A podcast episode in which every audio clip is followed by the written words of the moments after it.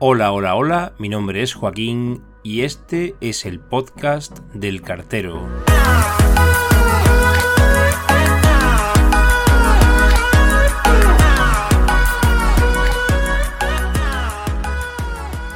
Bienvenidos y vamos a tratar nuestro primer producto de correos y a su vez el más famoso, la carta.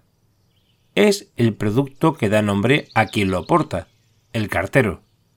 Sobre la carta se pueden decir muchas cosas, que como invento data de la época de los egipcios y la antigua China. Hablamos de más de 5.000 años hacia atrás en el tiempo. Los antecedentes de la carta son la grabación en tablas de arcilla o láminas de plomo, que luego derivó a pieles y pergaminos para comunicaciones diplomáticas o eruditas, donde emisarios montados a caballo recorrían largas distancias durante días, semanas o incluso meses para arribar a su destino. Con el transcurrir de los siglos llegaron las primeras láminas de papel, también el lacre de cera como toque personal que añadía privacidad a la carta, o, lo que es lo mismo, la inviolabilidad del sellado para garantizar la confidencialidad del mensaje. Posteriormente, el lacre dio paso a las estampillas, que son como los matasellos actuales, pero fabricados a mano y más rudimentarios, muy útiles al propósito para el que fueron ideados. Y tras la aparición de la imprenta moderna, creación de Johannes Gutenberg, tuvo lugar una revolución en la fabricación del papel, de las tintas usadas para reproducir los textos y de los propios sistemas de impresión, que en su conjunto permitieron la reproducción masiva de libros, folletos y comunicaciones escritas. Ya hablando propiamente del producto postal carta, el primer dato relevante es que antes de 1840 el destinatario de la misma era el que abonaba el servicio de transporte al recibirla, la cual no viajaba en sobrada, sino plegada y, en ocasiones, lacrada o anudada, a partir de entonces, se introdujo el sello para facilitar el pago del transporte por parte del remitente del envío, y se comenzó a usar el sobre como contenedor del mensaje, que además otorgaba mayor privacidad al mismo. Y a partir del año 1856 el franqueo se convirtió en obligatorio. En los dos últimos siglos se implementaron las plumas estilográficas, las máquinas de escribir, los bolígrafos y finalmente los ordenadores. Todo ello ha contribuido a una mayor producción de material epistolar que ha facilitado la creación y distribución masiva de cartas. Pero vamos a indagar qué significa para el sistema postal el concepto de carta. La carta, como tal, se la concibe popularmente como un fragmento de papel o una hoja, ya sea esta impresa o manuscrita, y que puede tener dos estilos epistolares, uno formal, con entidades o personas no conocidas, y otro informal, con familiares o amigos. En ambos casos, este fragmento presenta un contenido privado que va dentro de un sobre cerrado y franqueado con un sello que sirve para abonar el servicio de transporte que va desde su recogida hasta su distribución, pasando por la clasificación.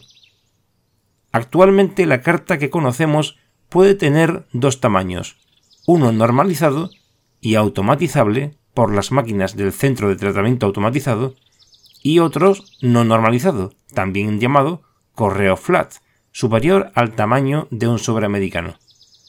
Pero el producto postal conocido como carta también incluye envíos que en apariencia son de paquetería, en este sentido, existen unas limitaciones en tamaño y peso para poder contratarlo como tal.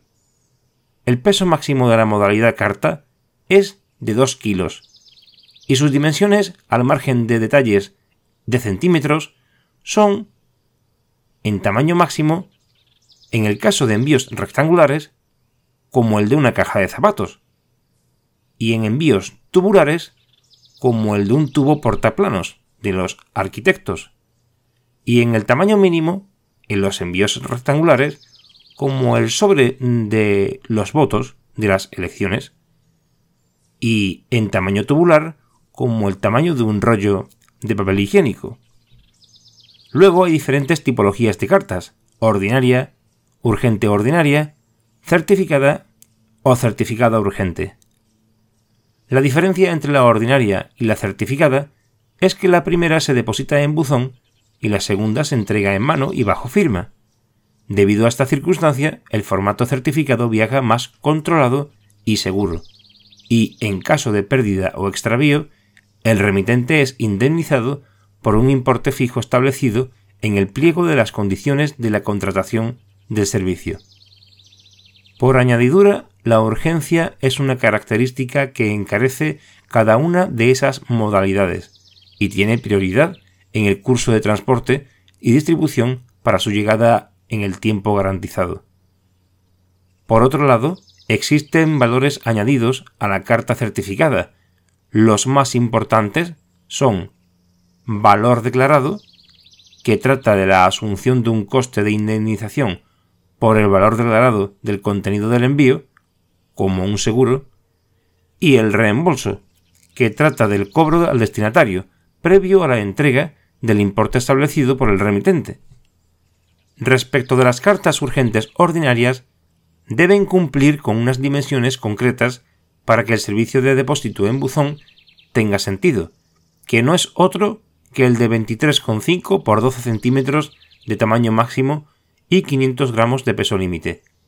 Su garantía de entrega es de un plazo de 24 horas para grandes poblaciones siempre que su admisión se haya producido antes de las 4 de la tarde. En otras palabras, un sobreurgente ordinario no puedes exceder del tamaño de medio folio y de un peso de medio kilo. Como el servicio de recogida y tránsito de la correspondencia fluye dentro de unos horarios establecidos, para que siga su curso normal, el envío debe ser admitido antes de su recogida por la conducción de mediodía. De este modo, los envíos admitidos en sucursales que tienen horario de tarde, al no estar sujetos a esa ruta, tienen la misma consideración a efectos de plazos de entrega que los envíos admitidos durante el horario de mañana del siguiente día hábil. Además, la garantía de la entrega solo puede establecerse en 24 horas para grandes poblaciones porque es solo en estas donde se disponen de USE, Unidad de Servicios Especiales, que son las que reparten la correspondencia urgente en dos turnos de trabajo, mañana y tarde. ¿Y cómo sé exactamente qué línea de producto me interesa? No sé si enviar algo como ordinario, certificado o incluso urgente. Pues para mí la respuesta está en las necesidades del propio cliente. Para determinar, por ejemplo, la urgencia, tan solo debemos detenernos en conocer cuánta prisa tenemos en que llegue el envío a destino. Si queremos que esté disponible en su dirección de destino lo antes posible, deberíamos enviarla urgente. Respecto de la elección sobre ordinaria o certificada, hay que tener en cuenta varios factores.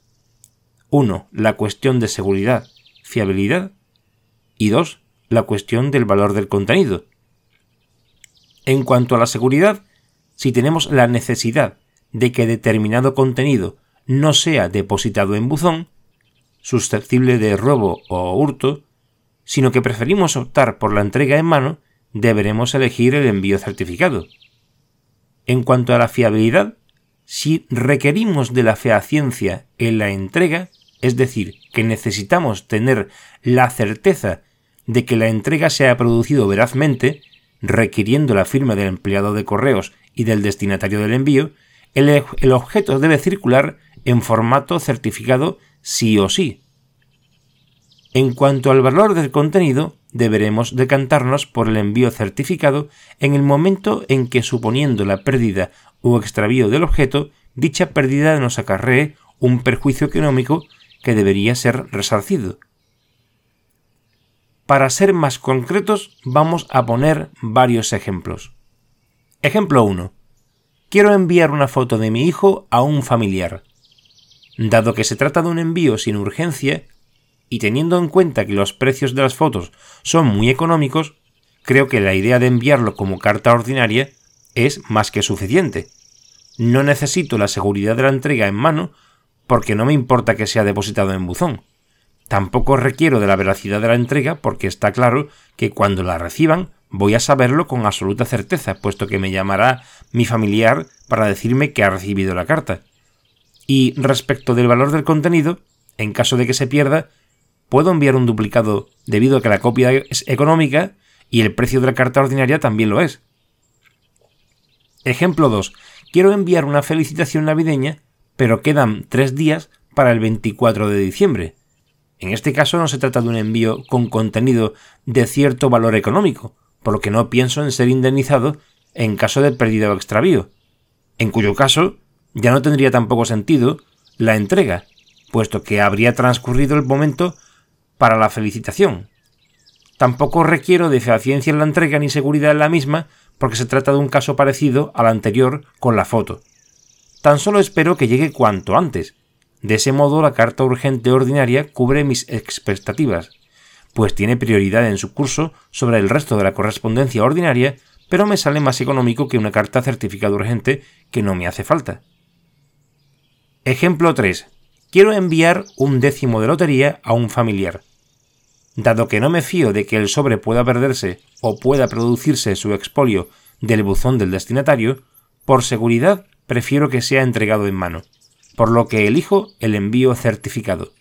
Además, entre lo que cuesta el décimo y el precio del envío, en caso de pérdida o extravío, será indemnizado con un importe de 30 euros, que cubre la inversión antes mencionada.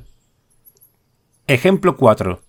Quiero enviar un décimo de lotería y quedan dos días para el sorteo.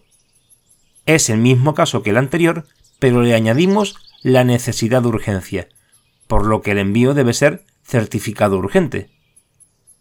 Ejemplo 5 quiero enviar unos cromos que he vendido por internet. Los tengo repetidos tan solo una vez, y si se pierden, o el que los recibe niega haberlos recibido, tendría que devolver el importe de la transacción de la venta online. No tengo prisa en que llegue, pero para resarcir el precio de venta en caso de pérdida o extravío, o para tener certeza de que se ha efectuado la entrega en mano en destino, necesito contratar el envío certificado. Ejemplo 6 he vendido unos cromos, pero no quieren abonarlos hasta que lleguen físicamente.